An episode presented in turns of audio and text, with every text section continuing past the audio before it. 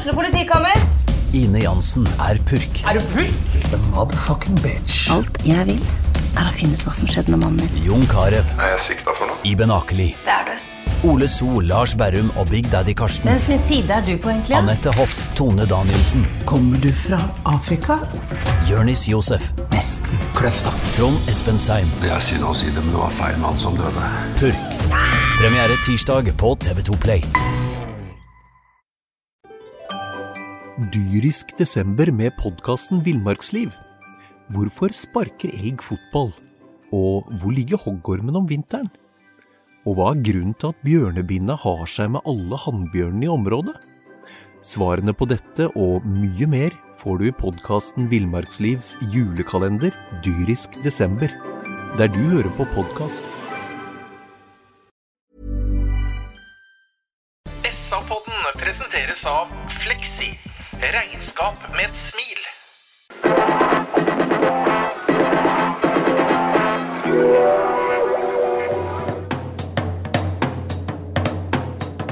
Sarpsborg Arbeiderblad gir deg en ny episode av SA-podden med Sven René Nygård, Øystein Weber, Petter Kalnes og Bjørn Inge Bingen Nilsen. Mornings, hjertelig velkommen til SA-podden, Sarpsborg Arbeiderblads fotballpodkast.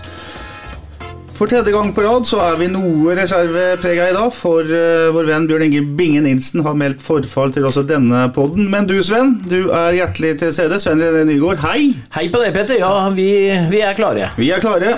Det er også Øystein, som vi kaller for uh, poddens eh, intellektuelle alibi. Men nå lurer jeg på om jeg skal kalle deg for poddens Erik Diesen, eh, Weber, for du har eh, levert reisebrev på rekke og rad i helga. Ja, det er vel Jeg syns det var en bra, bra sammenligning. For øvrig jeg har jeg sagt det før, eh, Peter, at det å være det intellektuelle alibi i denne podden, det skal vel strengt tatt ikke mye til. Nei, og jeg legger også merke til at uh, kringkastingssjef Bjartmar Gjerde sendte Disen til Florida og Paris og sånn. Vi sendte deg til Grimstad. Ja, her kan det komme uante muligheter, tenker jeg. Ikke sant. Før vi går over på det sportslige, så har jo vi eh, de siste ukene brukt tid på å lære sverpinger å snakke ordentlig norsk. Vi har jo brukt tid på ordet skarving, eller skerving som vi sier. Altså det vi har valgt å kalle en såkalt Molins spesial. Altså der Gisje Molins eh, spiller fra seg ballen på ett touch, gjerne med en midtstopper i ryggen. Vi utfordra jo guttene i studio fordi vi trodde at dette begrepet var svensk. Øystein mente at vi skulle kalle det samme for å snitte ballen. Men Sven han falt ned på å flikke, altså i stedet for å skarve. En av lytterne våre, han Bjørn Tore Pedersen, som jeg for øvrig gikk på skolen sammen med en gang i tida, han har skrevet på Facebook-sida vår at han stemmer for å bruke Svens versjon, altså flikke. For det er et ord som han mener har lang fartstid som fotballuttrykk. So far, so good, som Ja, det men nynorsk. jeg bare på sier til. Bjørn Tore, Petter, at det er jo helt riktig. Ja, men hør nå her. er- ja, okay, det er lenge sorry. før vi er ferdig med det her, skjønner du. For nå har min gamle mentor og trener i Tunegjeld, og også Bingens lærer fra St. Olav, det var da i forrige århundre, selvfølgelig, han Harald Stenshorne, har kommet på banen. Han vil nemlig ha seg frabedt alt snakk om at skarve er et svensk uttrykk. Og Harald skriver i en SMS. Skerve er vel et godt norsk ord. Jeg har brukt det i all tid hjemme i Hokksund, og der hadde vi ingen svenske ord i vokabularet. Så selv om det strengt tatt kommer flere skiløpere og hoppere enn fotballspillere fra Hokksund, Øystein, så, og det har i og for seg ikke, noe med saken å gjøre, så er vi på en måte like langt. Men det vi gjør, vi tar tilbake ordet skerve, for når Harald Stensvold har sagt det, så må vi høre på han, må vi ikke det? Jo, vi lytter på Harald, og det er, det er et godt poeng at han kommer fra Hokksund, og han, de var ikke så influert av svensk som det vi langs grensa er. Så når han Harald sier det, så er det helt sikkert riktig. Harald har stort sett rett, han. Og så sa vi f.eks. Tor Håkon Holte at jeg tok bare en skerve bransjeminare, men det blir selvfølgelig helt noe annet. Det blir noe annet, og der var det en bror og Geir Holte. Det var Helt to riktig. fremragende langrennsløpere. Så takk for er, er det ikke sånn, Petter, at de som går på ski oppe i fjellet, at de går på skerve? Det har jeg hørt. Jeg tror han, jeg tror han Harald. Det- det er ikke skare du tenker på Nå bare komme oss videre. Så nok ordkløveri for denne gang. Nå er det fotball det handler om. Eh, to kamper siden sist vi var samla, gutter. Molde 1-2 på stadion og Gri Jerv 5-0 i Grimstad. Eh, vi begynner med å, at jeg ber dere om å få litt hovedinntrykk av de to matchene. Vi kan starte med deg, Øystein. Ja, altså, Det går an faktisk å si at uh, hovedinntrykk på begge to er at det er to gode prestasjoner. Men så er det jo sånn i fotball da, at uh, vi må, må, få noe ut av det. Og sånn sett så er jo, er jo prestasjonene ekstremt ulike på en måte da, i forhold til betalt. Uh, for mens vi sitter igjen med sure nullpoeng etter Molde hjemme, så får vi jo får vi jo virkelig virkelig valuta nå. Og ikke bare det, men vi vinner ikke med ett mål for mye. Uh, her kunne det blitt, uh, blitt mye styggere for Jerv. Jeg satt i en periode og tenkte at her kan vi nesten gjøre hvor vondt vi vil. Mm. Vi jobba jo sammen på torsdag i Simfarstad etter matchen, og da sa vel du at du sjelden har sett Molde bli så rundspilt som det blir banespillet på stadion. Eh, men det ble bare 1-2, da, så Molde vant kampen. Ja, nei, og det står jeg på. Jeg har sett Molde mange kamper. Jeg tenker Europaliga og alt hva de var med på. Jeg har aldri sett at de har hatt så lite ball, i hvert fall ikke mot norske lag. Eh, og Vi har vel 59-41 i ball possession. De blir trykka inn i egen 16-meter. Vi ruller på, vi legger innlegg på innlegg osv. Så, videre, og så, videre. så Dessverre så var det den dagen tror jeg, hvor eh, det ikke skulle gå. Eh, de er supereffektive på det lille de får, altså med spisskompetanse, selvfølgelig. Men de kunne også vært uheldige og sklidd av foten på en av de to avslutningene. Eller i hvert fall på skuddet til Fofana, f.eks. Og så er vi jo helt på med huet og armen på dødball, og det er jo vår egen skyld. Men hadde de spilt den kampen der en gang til mot Molde, eh, som så helt lik ut om dere, på samme måte, så er jeg helt sikker på at det bikka inn et mål eller to for 0-8 i løpet av der. Så jeg tror vi ikke taper en kamp mot Molde en gang til med sånne spillemessige overtak som vi hadde der og da. så... Det var en meget godt gjennomført kamp. Jeg var ikke fornøyd med det taktiske valget til Billborn, det kan jeg si med det samme. og Det spurte jeg vel litt om etter kampen også. Når man sitter og ser den siste 15 minuttene at vi har 10-12 innlegg inn i boksen, og så sitter en Fardal Opseth som er høyreist og mm. på benken der ut kampen, det tror jeg kunne gjort en for forskjell. Mm. Vi satt om torsdagen Øystein, og, og rev oss i håret pga. at man misbrukte målsjanser. Det var ikke så mange store, riktignok, men man misbrukte også disse halvsjansene. Og så reiser du til Grimstad, det har for øvrig ikke noe med saken å gjøre, du var der med dere, men der setter de jo ikke alt, men utrolig mange nydelige skåringer. Det blir 5-0 totalt, og det er to-tre stolpeskudd, og ja, det kunne vært ti. Eh, da var effektiviteten plutselig helt på topp igjen. Ja da, og så skal vi huske på at vi møter to svært forskjellige kvalitetsmessige mm. lag. Altså Jerv er et mye mye dårligere fotballag enn Molde. Så vi må ha det, ha det med oss i, i bånn.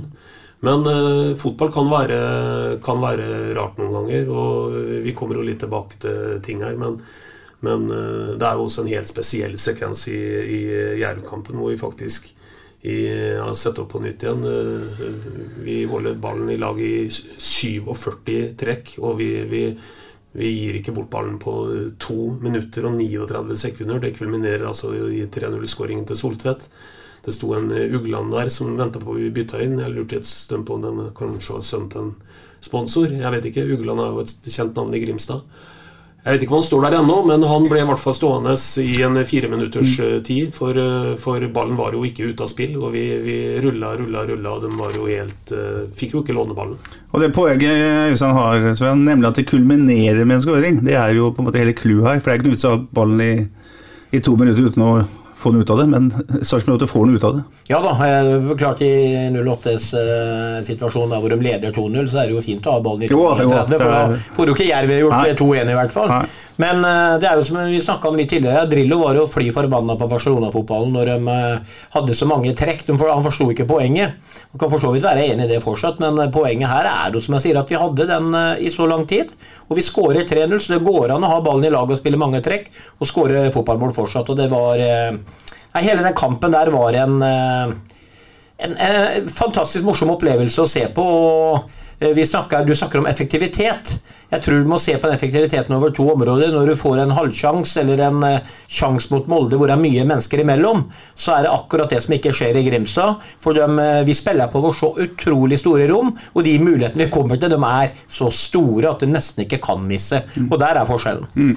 Og så er det en ting til, og det er at Sven har jo vært eh, stor i kjeften tidligere og og sagt at, eh, at hvis vi eh, dras ned i noen nedrykksstrid i år, så skal han eh, sykle Sarpsborg-Oslo-tur retur. Det tror jeg for øvrig ikke han har noe haker opp til, for jeg vet kneskålene til, til Sven de henger og slenger, så det begynner å bli en sliten mann nå. Men uansett så kan vi i hvert fall slå fast det, Sven, at det vi fikk bevist i går, det er riktignok bare ett lag, det, da. Det er at vi er en klasse bedre enn Jerv. Så, så den sykkelturen bør du ikke frykte hvis det gjelder å og bare ha fokus på Jerv, i hvert fall, for de er dårligere enn Sarpsborg sju dager i uka. Høre, Øystein. Ja, nei, Jeg vet at eh, kneskålene henger oss lenger. Det er mest til venstre, da, men eh, det er jo heldigvis litt lettere. og Det er jo lova at jeg skulle gått eller jogga tur etter Oslo. Så måtte jeg ha hatt det over seks måneders periode, men eh, sykle skal vi få gjort på noen dager. vel. Men at Jerv ikke var bra i går, Sven, er jo, det er jo riktig. Man kan jo snu det sånn at uh, var Sarpsborg bra, eller var Jerv som var dårlig? Det er jo et åpent spørsmål. Men de har jo gjort det ålreit i starten. Det har vært mye entusiasme. Og Mats Duan Hansen, vår utsendte medarbeider i går, eh, forteller at folk på tribunen satt og bare måpa når de eh, så hvor stor klasseforskjell det var mellom laget. Det hadde de ikke sett før i år. Så Jerv har jo bitt brukbart fra seg så langt. Ja, altså De har jo slått Tromsø hjemme, de har slått Strømskos hjemme. Altså, de har jo ikke vært noe kasteball i hele tatt på hjemmebane. De har jo tapt knepent også på de andre kampene. Så det er litt for tidlig å si at Jerv er skikkelig dårlig. Det, Øystein kan nok helt sikkert få rett i det, men jeg satt også så på en del av forrige match mot uh, hvor Ålesund uh, møter Jerv hjemme. Altså Jerv kjører kampen i store perioder mm. mot et Ålesund-lag som vi gikk på en smell mot, og som har gjort det bra nå. Så de har en del spisskompetanse, men uh, tilbake til det jeg har vært inne på tidligere. Det er rett og slett 08 er kanskje Norges beste lag offensivt, når vi får lov til å møte lag som gir oss rom, mm. gir oss muligheten. Og Jerv de gikk ut i 100 i går. Første fem minuttene ble litt bekymra, faktisk. Og etter fem minutter så fortsatte de å trykke opp sentralt i midtbaneleddet sitt og prøve å presse oss høyt i banen. Så sa det klikk-klakk, klikk-klakk, og det har jeg vært inne på. Får masse rom, og derfor skårer vi masse mål på bortebane i fotballkamper. Riktig. Bra, vi skal snakke mye mer om dette her utover, men Øystein, du må gi oss et lite ja, Reisebrev har vi fått nok av, men en liten helhetskonklusjon uh, om turen til Grimstad? Nei, altså Det er ikke noe annet å si om det enn at uh, sånne turer er fryktelig trivelige. Uh, du treffer uh, veldig mange sarpinger. Skal jeg gjette nå hvor mange blåkledde det var der nede, så var det et sted mellom 150 og 200 mennesker. Og Jeg har vært på noen sånne turer før, og det er, det er utrolig moro. Du vet, i, i, verden for øvrig Petter, så kan vi krangle om mye og, og, ha forskjellige politiske ståsteder og masse forskjellige særinteresser. Men er samla, kan du si hele stammen da, mm. om, om akkurat det samme. Det er derfor sånne, sånne turer som det er veldig veldig altså Her kunne en sikkert vært rykende uenige om mye, men vi er i hvert fall rykende enige om, hvis det er noe som heter det, at uh, her uh, håper vi Sarp tar med seg tre poeng hjem. Ja, altså, Ekstra sært, tenker jeg, vi, hvis du mener at det var ca. 150, og det så sånn ut på TV også. Er, da er det jo det folk som har satt seg i bilen og kjørt. Mm. Eh, Fossefallet satte jo opp en tur. Eh, klarte ikke å fylle en buss. Så det ble avlyst. Så det, det kom ikke noen busser med supportere der heller. Nei, men det kommer én buss med, med noe Invest-folk pluss støttegruppe, da. Så bare så det er sagt. Ja, ja, ja, ja men ikke selve supportergruppa, da. De, de, de, sendte ikke noen buss nedover. Så da tilsier jo det at det er mange som har tatt turen på egen hånd for å ta det som en tur. Og det er jo ekstra stilig. Og det er Nok en gang liksom, så ser jeg liksom det er, vel, altså Supporterne til 08 på den turen der er det, det er veldig bredt anlagte mennesker. Altså, det er alle aldre og begge kjønn og liksom hele pakka. Ja, og det er moro. Det, det, kan godt si det alle aldre, men det er faktisk ganske jeg vil si nesten litt sånn positivt overraskende godt voksne mm. folk òg. Mm. For vi er alle enige om at uh, i det store bildet så er det viktig at vi rekrutterer, og at det kommer nye mennesker til osv. Men at det reiser en god del folk mellom uh, 60 og 75 år og koser seg sånn på en tur sånn som dette her, og er kledd i blått og heier på 08, det syns jeg er helt strålende. Hvordan likte du Levermyr? Hvordan jeg likte Levemyr? Ja, Var det koselig? Ja, altså det, det, var jo helt suverent. Men jeg sa et par ganger når jeg var der nede, at det er nok det nærmeste vi kommer en, en, en Litt flåst å si det, kanskje, men en breddearena i Eliteserien. Men, men, vi skal ikke være så håndmodige her i byen. For, for vi bør ikke skru klokka eh, veldig mange tiår tilbake, kanskje bare halvannet. Før dette her minner jeg da kanskje om åssen Sarpsborg stadion var, eh, eh, sånn for 20 år siden kanskje. Eh, For der var det jo løpebane, og der var det jo et gressteppe, og det, det er jo flott. Men, men åpent i begge ender, og, og, og og tribuner på to sider, og en kapasitet på 3300. Men der var vi også, da. Så så sjarmerende sted, og ligger jo Og Grimstad var en sjarmerende by med korte avstander til alt. Kan vi si at det, er, at det er en del av norsk fotballs styrke, Sven? At du har Levermyr og Jerv på ene sida og Lerkendal og Rosenborg på andre sida? At du har hele spekteret? Eller er det en Det er jo den som hevder at klubber som Jerv ikke har noe Eliteserien å gjøre fordi det er for dårlige fasiliteter, f.eks. Altså, når, du sier at det er en styrke, så er jeg vel ikke sikker på at det er noe styrke. Mm. eh, sånn konkurransemessig for at norsk klubbfotball skal bli bedre. Klart, Er fotballaget bra på den arenaen, så er det jo for så vidt greit, da, men det er noe med at eh, fasiliteter må liksom til i dagens fotball. Det ser du. Det, det er viktig overalt. Og, og man begynner å skryte ned på stadion, ikke sant. Og, og det er klart Når man kommer til sånne arena, grunnen til at jeg spurte Øystein, var bare fordi at jeg så Linseth var ikke veldig fornøyd med å være på Levermyr. Så var jeg litt interessert hvordan følelsene med tilskuere var. Jeg tror faktisk jeg har spilt der før, men det er eh, som du pleier å si, jeg er 100 år tilbake. Men det er klart, jeg, jeg tror ikke det er noe styrke i utgangspunktet at vi har lag i en eliteserie som eh, på en måte spiller på arenaer som man kanskje kan kalle for litt breddefotballaktig. da. Eh, men eh, det, det, det, er du god nok, ikke sant, så er du god nok som fotballag. Og så er jo det rundt. da, Det, det er jo sterke krav i, i Fotballforbundet også, så de eh, må vel eventuelt utbedre etter hvert, de også, hvis de atter de skulle overleve. Ja, og så er det ikke jeg sin skyld at de klarte å rykke Molde i fjor. Sånn er jo fotball. Det, det laget som vinner, de rykker opp når de spiller kvalifiseringskamp. Ja, da, Jerv og Brann, ja. Sa jeg ikke det? Ja, du sa Molde. Ja, jeg mente Brann. Ja, og, og samtidig så skal vi gi på en måte Jerv akkurat det samme framtidshåpet som alle andre med mindre byer har i forhold til å sette seg sjøl på fotballkartet. Da. Og det jeg prøver å si med å trekke sammenligningen tilbake at det er ikke fasilitetene på Sarpsborg stadion har akkurat sett ut så- sånn bestandig. Så, så det er helt sikkert uh, krefter i, på, uh, i Grimstad som, uh, som eh, gjerne ser hva vi har fått eh, her i byen, og, og har lyst til å, om ikke kopiere det, så i hvert fall ha en progresjon på utvikling av anlegg osv. Før vi forlater den turen, hva er, var gjennomsnittsalderen blant de uh, tilreisende sarpingene så høy at du følte deg ung? Nei, nei, nei, nei, nei det går ikke. Nei, det var, var overkant, kanskje. Sven. La meg si jeg lå sånn omtrent på snittet, da. Ja, det er ikke gærent. Nei, det er ikke gærent. Det er ikke ofte. Bra. Eh, vi skal se litt på seriespillet så langt, gutter. For nå er det jo en landslagspause. Liten ferie for eh, spillerne. Vel fortjent eh, for øvrig. Ni kamper, 13 poeng. 17-11 i målforskjell. 9 av 13 poeng er tatt på fremmed gress. 13 av 17 mål er gjort på bortebane.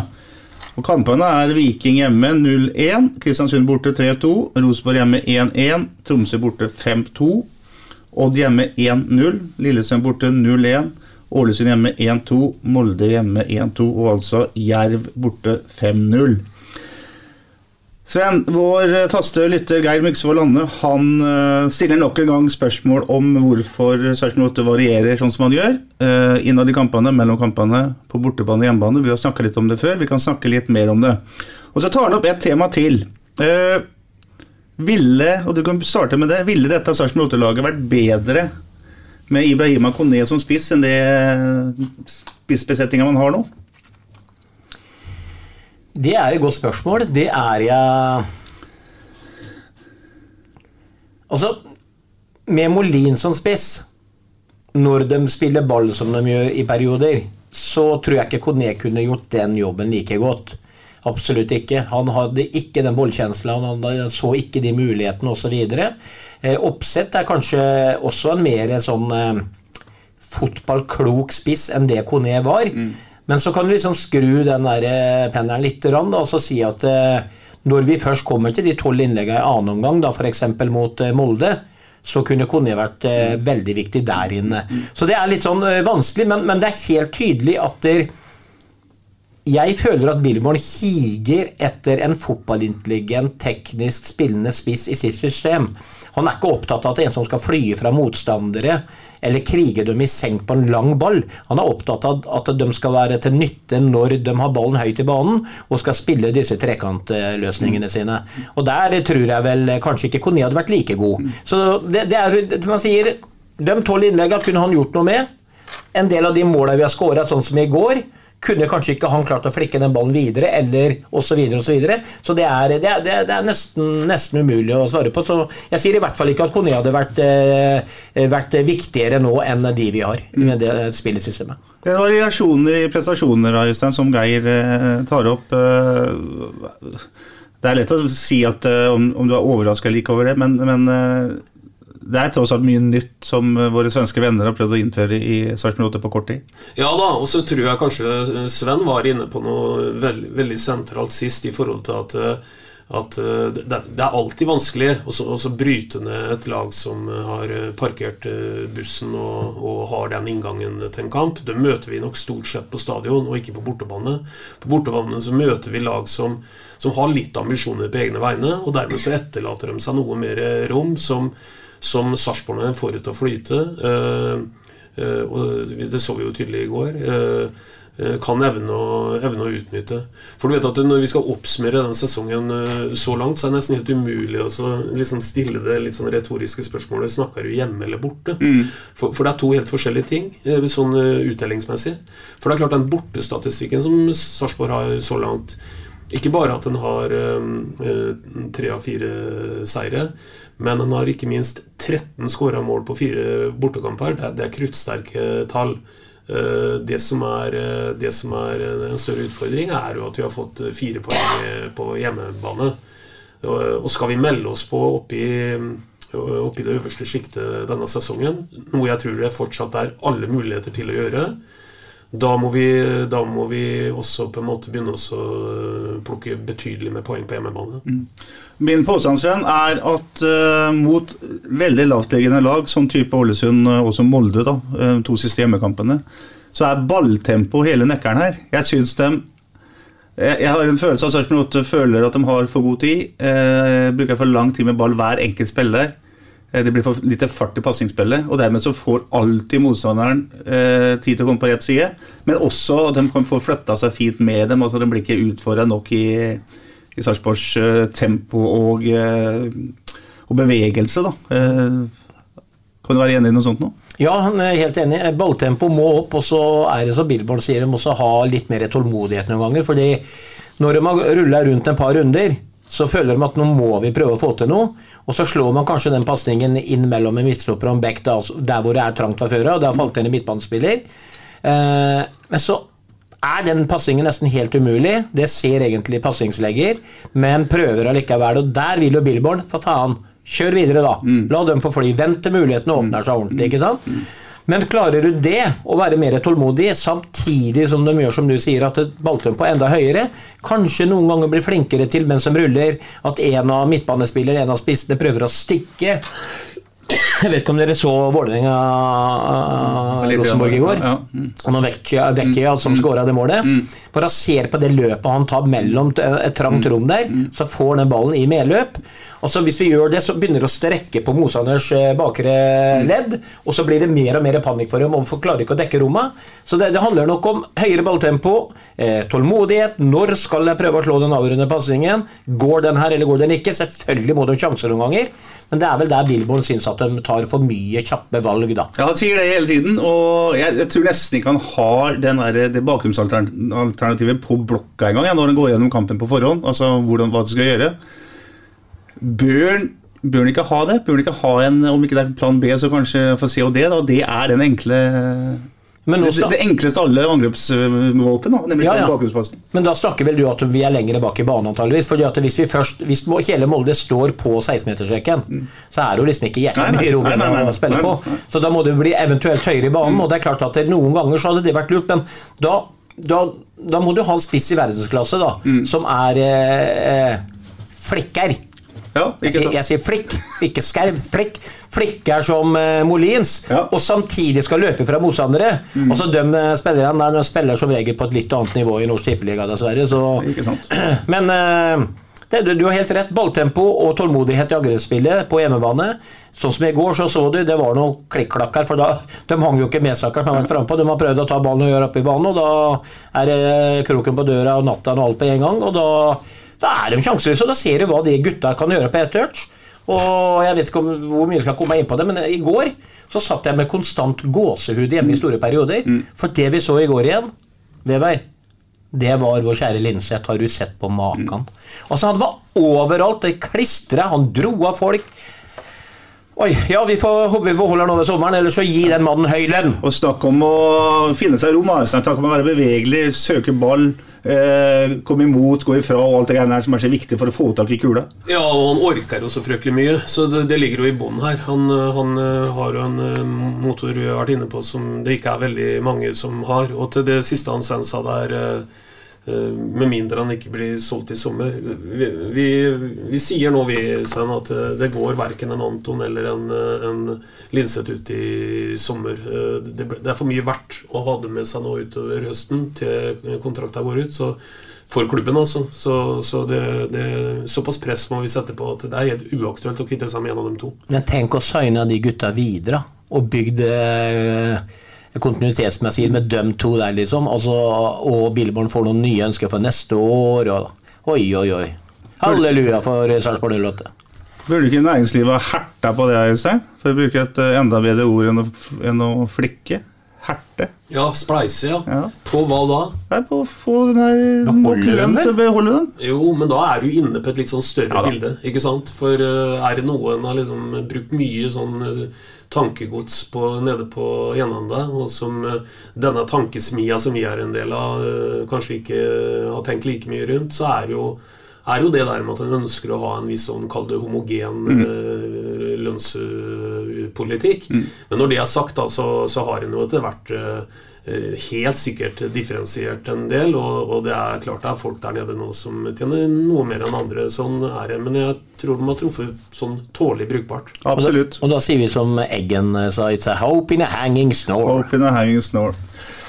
Apropos ikke spille lange baller, så er jo et paradoks da at 2-0-skåringa til Sarpsborg i går er jo en eh, resultat av en langpassing fra Saletros til eh, selvfølgelig Linseth, som header ned til eh, vår venn Joakim Soltvedt og bare dunker den i kassa. Så de eh, slår en og annen langpasning òg. Skudd fra hofta, Stein. eh, Den største positive overraskelsen så langt i sesongen? Nei, men Vanskelig også kanskje sette én sak på det, men jeg syns at den midtbanelåsen vi har, den defensive midtbaneduoen med, med junior og Saletros, den, den, den holder topp eh, eliteseriestandard og er utrolig viktig for, eh, for laget. Og er nok det vi kommer til å rokke minst med, hvis det er to friske gutter som, eh, og det ikke er noen skader der. Eh, De betyr eh, mye. Og jeg la merke til mot Molde, så sier kommentatoren i kampen Han, han uttalte seg om junior og kalte den for en fenomenal ryddegutt. Og jeg vil si det går vel ikke an å si det noe særlig bedre. Helt enig. Hva tenker du som er mest positivt til ny? Sånn? Nei, altså, for det første så er jeg altså, Vi har gått på noe sånn dritt med det Ålesund-greiene, men sånn generelt hittil så står sesongen for meg til eh, Altså, Han får mer og mer tid for hver dag som går, han Billborn nå, til å gjøre laget enda bedre enn det det er. Og sånn totalt sett så er jeg fornøyd, jeg. Eh, nå drar jo Øystein fram to spillere som vi vet er gode.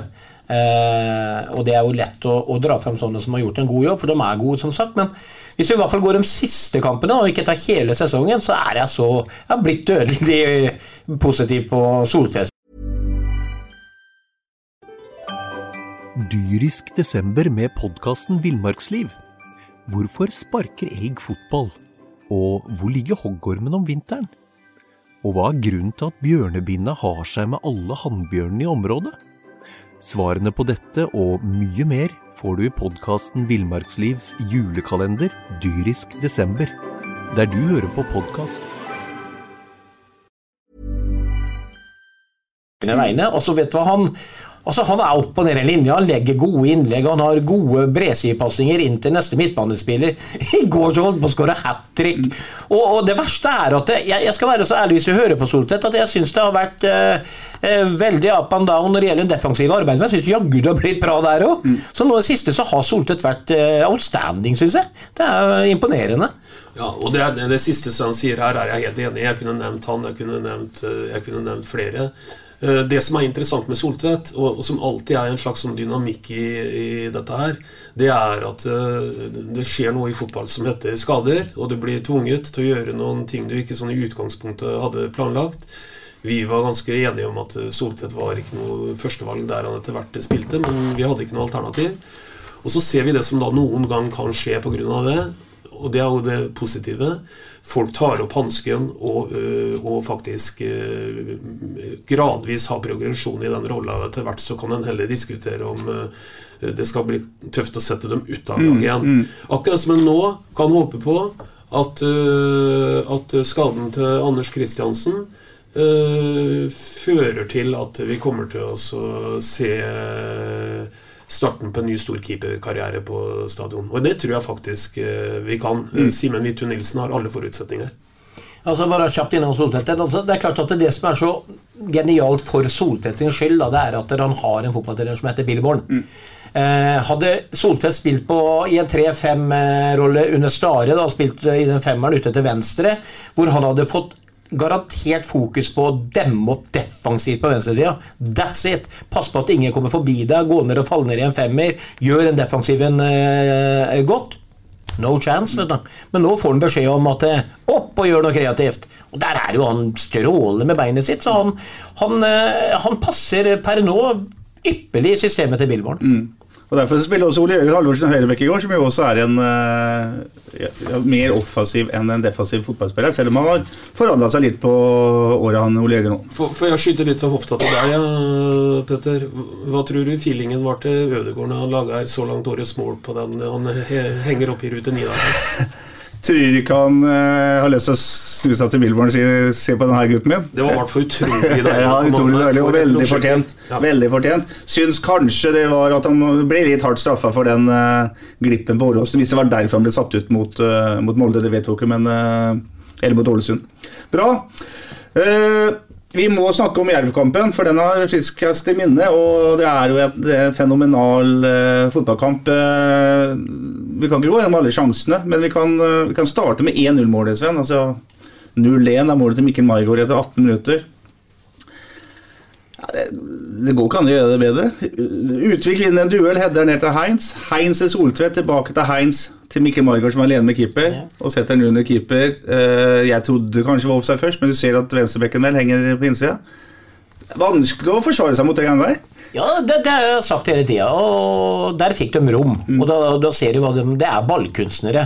Og det er ekstra deilig da når hjelmen går opp bakfra, da header den rett ned i beina på Heinz, var det vel, som da starta angrepet. Mm. Og det, er, det, er, det, går så fort at dere, de, de, har jo ikke en snøball, og når de ikke har nok eh, defensive spillere til stede der, så gjør 08 det her veldig ofte mot motstandere, og det kommer de til å fortsette med. Ja, og jeg synes Det som er ekstra kult med det målet der, Petter, det er at i motsetning til de 47 trekka foran det tredje målet, så er det mye av det som ikke skjer i noe sånn lynraskt tempo, og det er litt, en hviler litt, eh, og, og, og, men holder jo ballen veldig kontrollert i laget. Men det som skjer i de eh, relativt få trekka der foran den 1-0-skåringen, det er jo presisjon med veldig kvikkhet. Altså. Mm. Så der henger rett og slett ikke jeg med i det hele tatt. Nei, og Der ser du Tobias Heins på sitt aller beste, mener jeg, med dette kombinasjonsspillet. Og legg merke til hvem som slår den nest siste pasningen.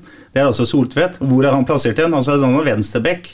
Man står altså på høyre side av uh, Jerv sitt mål, eller i hvert fall mot høyre, på 16-meteren og slår støttepassing tilbake til Heinz. Der ser vi litt om bevegeligheten og, og plassbyttene i dette 08-laget. Helt uh, praktfullt. Vi tar uh, 25 minutter, vi har snakka litt om det før, men Passingen fra, fra Saletos opp på hodet til Linseth. Men der kommer eh, Soltvedt, Øystein, og det der er eh, strak rist så det holder. Ja da, og det, er jo derfor vi også innimellom snakker om en plan B, som du sier. Går an å bryte opp? Går an å, går an å bryte det som vi er mest kjent for, med å innimellom da, slå den uh, lange? For her blir jo dette helt, helt perfekt. Distinkt hedda ned, og som du sier, Soltvedt kommer og så trekker, treffer han klokkerent. Dette er jo også fotball tatt helt ut av, ut av læreboka. Mm. Omgangen eh, ender med, med 2-0 til Sarpsborg 8. 60,1 ballinnehav. 6-0 i skudd på mål. Men likevel, Sven, så, så gir Sarpsborg 8 uh, Jerv faktisk muligheter til å skåre mål her, også i første omgang. De har mye cornere, de har mye dødballer. Uh, og de er ikke helt uefne som uh, Hva heter det? Roar Stokke, ville sagt. Nei da, eh, og de har jo spesielt en på slutten der med han Furtado, Furtado, hva det vel heter. Som er jo kjent for et enormt venstrebein, og som fyrer den langt over. og det er klart Blir det 2-1 her rett ved pause, så blir det sånn Sniker det seg inn eh, Som jeg har vært inne på tusen ganger, den mentale biten inn i en fotballgarderobe igjen, ikke sant. Så det er som jeg har også vært inne på, det å luke unna sånne små ting. Eh, vi var ikke inne på det, men eh, jeg ser noen supportere snakker om at Jørgen Horn slår en del feilpassinger, og sånn, og det gjør han for så vidt, han også. Han spiller jo på små marginer. Eh, men nok en gang der i går igjen. eh, Jeg så mange repriser. Det var noen dødballer der. Altså Han går opp mellom to svære gule beist. Den som får panneluggen på deg der ute i Nykornet, det er Jørgen Horn. Så der må vi være hele tiden. Der må alle være. Ja, hjelmen må blø, og Jørgen må vinne, de andre må ofre seg i blokk og alt dette her.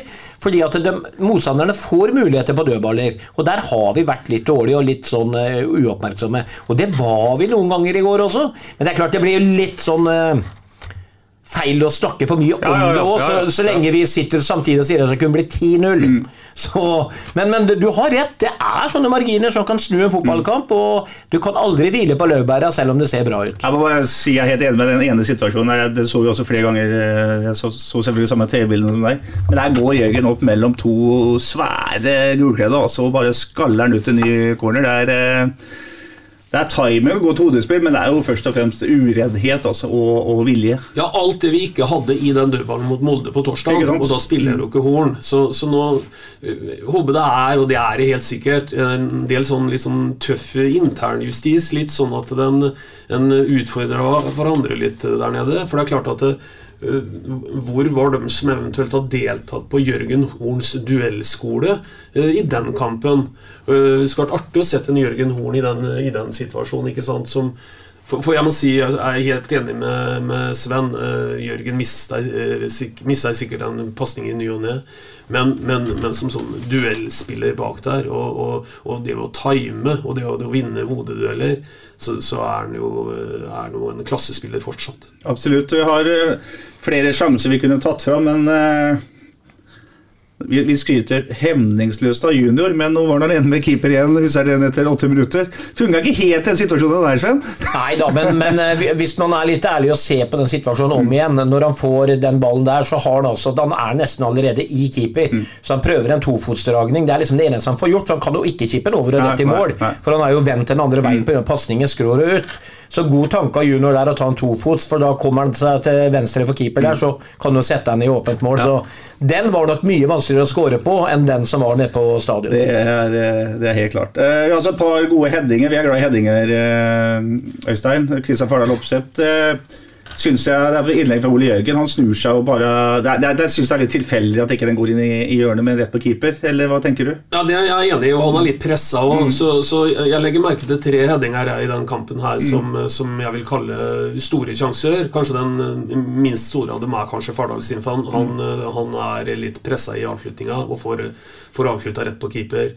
Eh, Linseth er ikke verdens beste hodespiller, men, men, men den han header inn mot, eh, mot keeper, den den vil bare i forhold til sånn eh, flaks og uflaks gå inn mye oftere enn han ikke gjør Mm. Han, han, hvis den ballen treffer Linseth på alle andre steder på huet enn akkurat der han traff, så går den inn. Mm. For det er så fart i den ballen, og han, han forlenger det inn. Den, den største sjansen er naturligvis Utvik, som header den i det riktige hjørnet.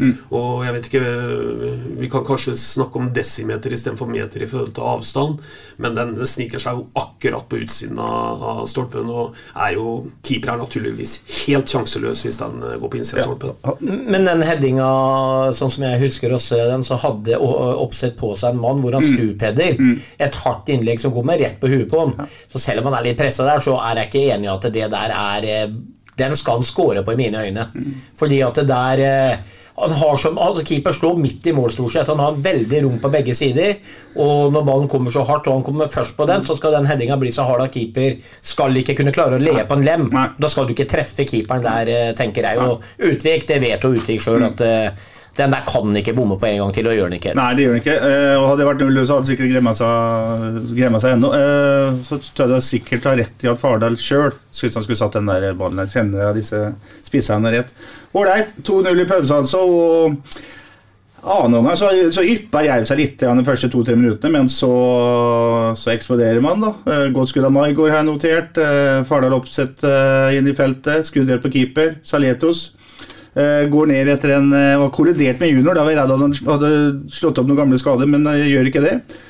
Så har Jerv et skudd, men så har det gått 59 minutter, og så har eh, Linseth ballen. Eh, Linseth har ballen, føreren på, på tvers av 16-meteren til eh, Jerv.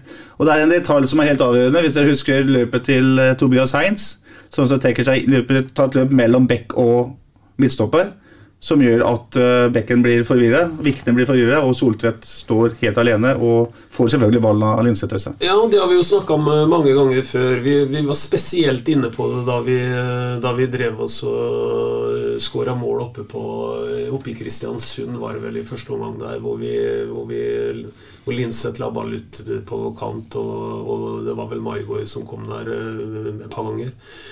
Hvis det ikke var kanskje Tromsø-kampen vi skåra disse måla. Det spiller ikke noen rolle, det vi satt og snakka om, og, og, og det ser vi også her nå. Det at det kommer nettopp sånne bevegelser, det, det gjør jo at, eh, at mulighetene eh, blir flere. Eh, Pasningslegger får, får flere alternativer. Og ikke minst forsvareren vet ikke, han kan ikke på en måte dele seg i to og, og, og får et dilemma på hvordan han skal bevege seg. Så jeg er helt enig. Bevegelsen til Tobias Heinz i forkant av det målet der, det er akkurat sånn som det skal være. Og de bevegelsene er, er like viktige, om ikke enda viktigere, på, mot et trangt, dyptliggende forsvar på Sarpsborg stadion f.eks. Altså det at det, det skjer ting, og at det ikke bare ballholder som, som gjør noe med kula, eller som, som beveger seg. Ja, det var jo egentlig akkurat det jeg sa tidligere i stad, når du spurte om dette med balltempo og sånn. Og da nevnte jeg jo det med å ta de her stikkerne inn en gang imellom for å på en måte gi ballfører en mulighet. Og sannsynligvis så tar ikke ballfører den muligheten pga. at det er trangt. Men eh, motstanders forsvarsspillere må kanskje være med. Og da blir det plutselig et høl der allikevel som gjør at man må begynne å forflytte seg litt mer. Og da får du en større mulighet til å ta de åpningene. Og, og det som Øystein var inne på, det er jo helt riktig. Og ikke bare det, men når man tar den forflytninga som eh, Heinz gjør der, så er det jo ikke bare det at det blir lett å nå Soltvedt. Men Soltvedt får jo hele Karl Johan nå. Altså han, han, han får jo ikke press på seg engang på avslutninga. Og så husker jeg, mener å se på det veldig godt at det skuddet gikk inn, da, for det gikk mellom bena, tror jeg. Knallhardt. Men da mener jeg så, jeg husker ikke hvem det var, til høyre, som han egentlig kunne bre seg over til, som hadde stått på blank, ikke sant, for keeperen kom ut. Så, men eh, Soltvedt, glimrende avslutning. Jeg har savna venstrebeinet ditt, og nå så vi det virkelig. Ålreit. Eh, 68 minutter på stillinga 3-0, så gjør Molin, nei, eh, Billborn to bytter. Fardal Opseth og Heinz går ut. Molins og Skålevik kommer inn. Eh, I løpet av tre minutter, 73. til 76. minutt, så skyter både Maigård i tverrleggeren og Linseth i eh, stanga. Her kunne det vært eh, fem allerede. Så får Molins et eh, mål annullert. 81 minutter, to nye bytter. Martin Høiland inn for Linseth og Ødegaard inn for Ole Jørgen Halvorsen. 58, eller I 85. minuttet så er det altså 60,7% ballinnehav overtak for Sarpsborg 8, og 10-2 i skudd. Så, så det er en total uh, dominans. Så kommer kjempesjansen til uh, Utvik.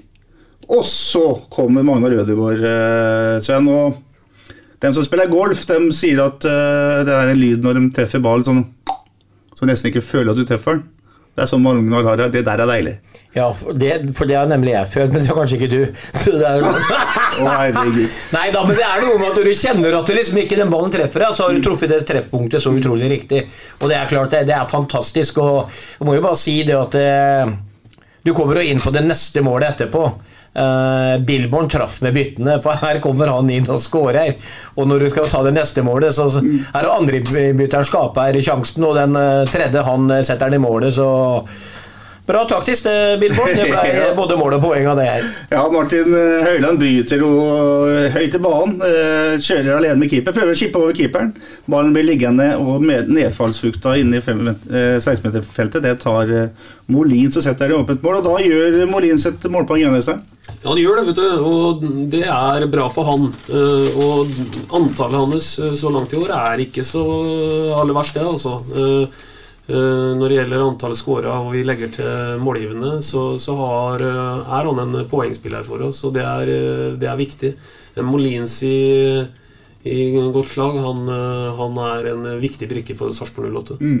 5-0 på bortebane, det er ikke ofte det skjer. Og en meget, meget solid gjennomført kamp. Det å ta med seg det inn i en landslagspause, Sven. Er ikke det en grei opplevelse å ha med seg inn? Ja, Helt nydelig. Det er, eh, som jeg sier, altså, Vi må ikke glemme at der, man, man, man får sånn, Det var så mye bad feelings etter den Ålesund-kampen. ikke sant? Jeg så på supportersider og Uffa meg til Gufsa fortid og sånn. Og, men vi er jo ikke i nærheten av noe fortid, folkens. altså Vi, vi har et fotballag som Vi må ikke glemme Sarpsborg 08. Vi hadde flere sesonger på rad. Det var under Geir Bakke. Vi klarte jo ikke å vinne en fotballkamp borte engang. Nå er vi Norges beste bortelag omtrent. altså Det er en helt ny, ny æra, det vi er inne på nå. Så etter, etter å ha svelget skuffelsen i denne Ålesund-kampen, så kommer ut av null poeng mot Molde, men jeg kommer ut med en god følelse. For her ser vi et fotballag som kan spille fotball, og som kommer til å pressere på høyt nivå framover. Så da fikk jeg Jeg, gikk ikke hjem sur og lei meg egentlig etter den kampen. Og så avslutta vi før pause med 5-0 på bortebane mot et lag som tross alt da har gjort det bra på hjemmebane hittil. Og eh, vi har en kamp mindre spilt enn eh, andre, og så er det ingen kamper som er lette. Men hvis en snur på programmet og ser det vi skal ha de neste tre kampene, f.eks., så er jo det himmelvid forskjell i utgangspunktet på de tre første vi begynte med. Så her har vi mye å vente på. Så her eh, håper jeg at supporterne bruker denne landslagspausen til å skru opp optimismen.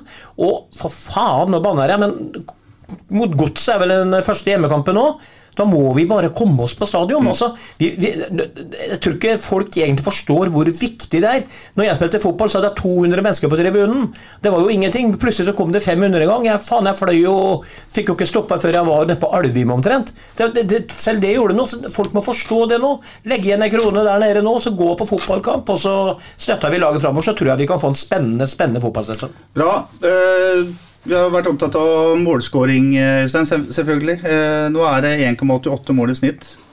Eh, Det er ja, det er nesten røffelig. Det er litt sånn røffelig sagt dobbelt så mye som man pleier å skåre 8. Eh, Veldig røffelig, men, men det er jo bare et bevis på at dette her har gått i riktig retning. Ja, definitivt gått i riktig retning, og det, det, det skal bli spennende også følge dette videre. Og så følge opp for å følge opp eh, Sven sitt, eh, sin oppfordring nå til å komme seg på stadion etter hvert her og, og støtte laget.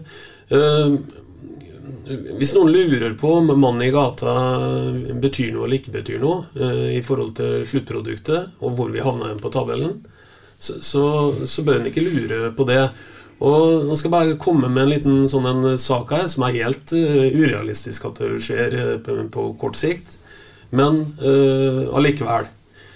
Alle så kanskje den ramma som var mellom Lillestrøm og Vålerenga på, på Åråsen. Jeg vil kalle det det nærmeste vi kommer en sånn Premier League-stemning i, i norsk eliteserie.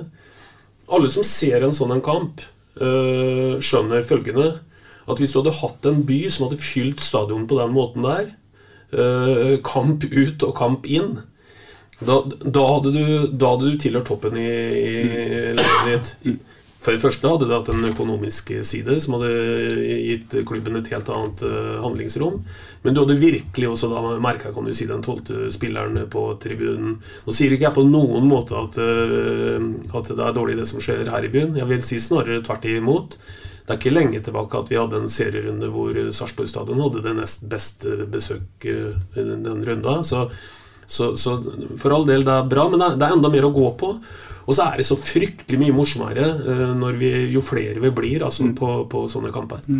Bra. Vi eh, har en Facebook-side der eh, flere, stadig flere sender inn litt eh, spørsmål og meninger om det vi driver med, det vi sier, og ikke minst om Sarpsborg 8. Geir Amundsen har eh, gjort det. Geir har lang fartstid som idrettsleder, mediemann ikke minst sportsinteressert. Ja, Helt tilbake til tida da han var sponsoransvarlig i gamle, gode Bergen Bank og hockeyformann i Sparta på glansdagene på 80-tallet. Han øh, har noe han vil at vi skal ta opp. Han øh, takker først og fremst for en fin podkast hver uke. Takk skal du ha for det, Geir. Men han øh, lurer litt på hvorfor satser ikke 08 på en spiss som førstevalg og gir han tillit? I år byttes det mellom Molins og Oppsett i hver kamp, og også underveis i kampene. Og til og med dere i poden sier at jeg tror Molins Oppsett spiller 60 minutter, for så å bli bytta. Uh, samtidig så sier vi i podden at uh, Eller dere i podden da at uh, begge kan stå for 10-15 mål i sesongen hvis de er skadefrie. Hvordan kan de skåre når de bare spiller halvparten av tida, spør Geir. Alle som har spilt fotball, vet at en spiss trenger selvtillit og trygghet for å prestere. Geir er spent på hva vi mener om det. Øystein, du har jo sagt litt om det her tidligere. Ja, altså, jeg er helt enig med Geir. Jeg, at, uh, at i en ideell verden så, så, trenger en fotballspiller, og kanskje spesielt en spiss, tillit. For å også kunne kjenne på at uh, han tåler å brenne noen sjanser for å sette noen, og alt det greiene der. Mm. Så dette henger, henger, nøye sammen. Men det jeg først og fremst har sagt når det gjelder Molins og Fardal, og hvis jeg snakker om at jeg tror den ene spiller 65 og den andre 25, eller hva det er, så går det mer på at min vurdering er at de har ikke vært klare for å stå i 90 minutter. Jeg syns vi har sett en Molins hatt en fallende kurve når han starter, f.eks. Og det har åpenbart øh, øh, de som styrer fra sidelinja, også mm. gjort en vurdering på. Mm. Uh, og, så er, ikke det mer komplisert enn at en føler at da, da nå, hvis Molins er førstevalg i den konkrete kampen, så er ikke han mer førstevalg enn at du, uh, blir han litt sliten, så, så, blir han ikke bedre enn en uh, uthvilt Fardal, som da kommer inn de siste 25 eller 20. Så, så det er mer det det, mer det det, går på, at, at jeg føler at, at uh, verken Fardal eller Molins har hatt kan du si, motoren til å stå fullt ut i 90 minutter. Ellers så jeg er enig i alt Geir sier. Mm. Er det litt sånn eh, beklager at ikke man kan ha ett eh, soleklart førstevalg, Sven? Ja, altså, jeg, jeg, var jo tidlig ute at jeg ville ha en ny spiss etter Conté. En som eh, da selvfølgelig ville kosta penger. Mm. Eh, en som du vet er en målgarantist, og det sa vel Berntsen at de, de er for dyre og diverse ting. Og så da må jeg bare, liksom, bare stille spørsmålet litt tilbake. hvor hvor dyr var f.eks. Adams. Uh, han kommer jo fra Sogndal. Mm. Uh, og de fikk jo tak i Frid Jonsson, som også er en sånn bauta. Og så skal det være sant sagt det at det er jo ikke sikkert at de to spillerne hadde passa inn i Billborns modell å spille fotball på. Men det er klart at dere, alle lag ville gjerne hatt en type Adams, vil jeg tenke, som uh, ja, tenker nok på de tolv innleggene mot Molde. Altså, mm. hadde, hadde, jo ikke Han hadde jula inni der, da. Men, men, det er jo en litt annen sak. Men jeg er veldig enig, Geir. Eh, du har helt rett, Geir, at det største fordelen har vært en førstelagsspiss som kunne spilt i 90 minutter. Skåra mye mål og hatt tillit og selvtillit. Men eh, Øystein er inne på noe som er helt klart sikkert, og det er at den fysiske skadehistorikk osv., osv., spesielt på Molins eh, Fardal Opseth er en stor, tung fotballspiller. Blir også sliten, ser du, i presspillet sitt osv. Og, så og er det noe Billborn eh, var irritert på, så var det jo grunnen til at han starta med Skålevik forrige gang som spiss mot, eh, mm. hjemme mot Molde. Det er garantert at han var misfornøyd med toppresset fra spissene hvor de ikke hjalp til nok i midtbaneleddet. Så han eh, han ser nok på den fysiske formen, men uh, han har nok prioritert uh, Molins litt, tror jeg, da, nok en gang, fordi at han passer inn i dens modell å spille fotball på. Poddens overtid. I overtida så tenkte jeg at jeg skulle si noen ord om noe som har skjedd under de to siste hjemmekampene på stadion, mot Ålesund og Molde. Det har vært eh, merkbart dårligere stemning på den tribunedelen som samler de mest aktive, høylytte og syngende supporterne til Sarpsborg 08. Ikke det, de, ikke det, at de, som har møtt opp, ikke har eh, forsøkt og gjort så godt de har kunnet, men de syngende har vært for få. Vi har lest i SA om at det har vært en boikott fra supporterkonstellasjonen som kaller seg MXVI, altså 1016, de som alltid går kledd i stort. Boikotten skyldes en utestengelse av en av deres medlemmer, og vedkommendes kamerater er altså solidariske overfor ham ved å holde seg unna sin faste tribuneplass under kampene. Her i podden har vi tidligere stilt spørsmål ved hvorfor en del supportere på død og liv må gå i sorte klær. Vi har vel etter hvert konkludert med at vi er for gamle til å forstå den supporterkulturen der. Og så har vi slått oss i ro med at så lenge man oppfører seg ordentlig, kan man gå kledd i hvilken farge man vil. Bare man holder med Sarpsborg 08, litt eh, tabloid sagt. I to kamper har også disse supporterne glimret med sitt eh, fravær. Utestengelsen og boikottaksjonen har ført til en rekke rykter, påstander, beskyldninger og bruk av sterke ord i diverse sosiale medier, mens klubbledelsen ved daglig leder Raymond Fjell har svart jazza på en nøytral og profesjonell måte. Det går mye rykter om hva som er årsaken til utestengelsen, og det går også mye rykter om hvordan klubben har håndtert situasjonen. Og uten å ta stilling til verken alvorlighetsgraden i selve saken eller klubbens håndtering, for det vet jeg ikke nok om, så vil jeg bare mene to ting. Én. Klubbens ledelse må gjøre alt for å få til en forsoning med supporterne, slik at stemningen igjen kan bli på topp på Sarpsborg stadion. Kanskje hadde fansen faktisk sunget inn et mål eller to, og dermed også poeng mot både Ålesund og Molde. Og to. Supporterne må tenke over hvem de straffer ved å boikotte hjemmekampene. Er det ikke slik at klubben og laget er viktigere enn alt annet, og at man kan reagere på klubbledelsens beslutning og håndtering på en annen måte? For nå er det ingen tvil om at de som straffes hardest av boikotten, det er Stefan Bilborn og hans lag. Og det tror jeg ingen ønsker. Ålreit. Kort til slutt, eh, Øystein. Strømsgodset 18.6. Strømsgodset 18.6, det er en lørdag, det er kamp klokka 16.00. Da benytter jeg anledningen først, eh, Petter, til å si at vi spiller inn en pod etter den kampen, som blir lagt ut. eh, Det kan du svare på når den blir lagt ut. Tar vi den like etterpå? eller? Ja, vi har lagt ut på lørdagskvelden, tenker jeg. Eventuelt søndagsmorgen. Det er Ja. helt eh, sikkert. Ja. Nei, øh, når det gjelder kampen, så tror jeg at øh, nå fikk vi et vendepunkt. Vi fikk en ny sånn en ristart på, på denne sesongen, og jeg tror at vi slår øh, Godset 2-0 hjemme. Vi møter et utrolig formsterkt eh, godset, som sikkert ikke har lest på den pausen her nå. Eh, de kommer til å skåre mål på stadion, de kommer til å skåre to, mål på oss. Eh, så gode er de, men vi skårer tre, og dermed vinner vi 3-2. 3-2. Jeg sier eh, 3-1. Bingen følger jo deg og sier eh, 3-2. 3-2, bra, Bingen. Da tar vi oss en liten eh, landslagspause, vi òg. Vi er tilbake altså med en pod etter eh, godsekampen 18.6, og da kommer vi oss på stadion. Og inntil det så sier vi bare at vi prekes! Prekes! SA-podden presenteres av Fleksi. Regnskap med et smil. Dyrisk desember med podkasten Villmarksliv. Hvorfor sparker elg fotball? Og hvor ligger hoggormen om vinteren? Og hva er grunnen til at bjørnebinna har seg med alle hannbjørnene i området? Svarene på dette og mye mer får du i podkasten Villmarkslivs julekalender Dyrisk desember, der du hører på podkast. Ukens annonsør er HelloFresh. HelloFresh er verdens ledende matkasseleverandør og kan være redningen i en travel hverdag. Mange av oss har nok vandret i butikken både sultne og uten en plan for middagen, som ender med at vi går for de samme kjedelige rettene gang på gang. Middag burde være dagens høydepunkt. Som HelloFresh kan du nå velge mellom 25 ulike retter hver eneste uke, eller få HelloFresh til å sette sammen menyen for deg. Dette gir deg muligheten til å prøve nye og spennende retter alene eller sammen med familien. Du velger antall porsjoner og får alt levert på døren på et tidspunkt som passer for deg. Oppskriftene er enkle, og maten er lett å lage både for store og for små. Ved å få alt levert hjem får du også mer tid til å dele matgleden med familie og venner. Kanskje det frister med asiatiske tacos eller greskinspirert kylling? Da kan jeg anbefale deg om å gå inn på hellofresh.no.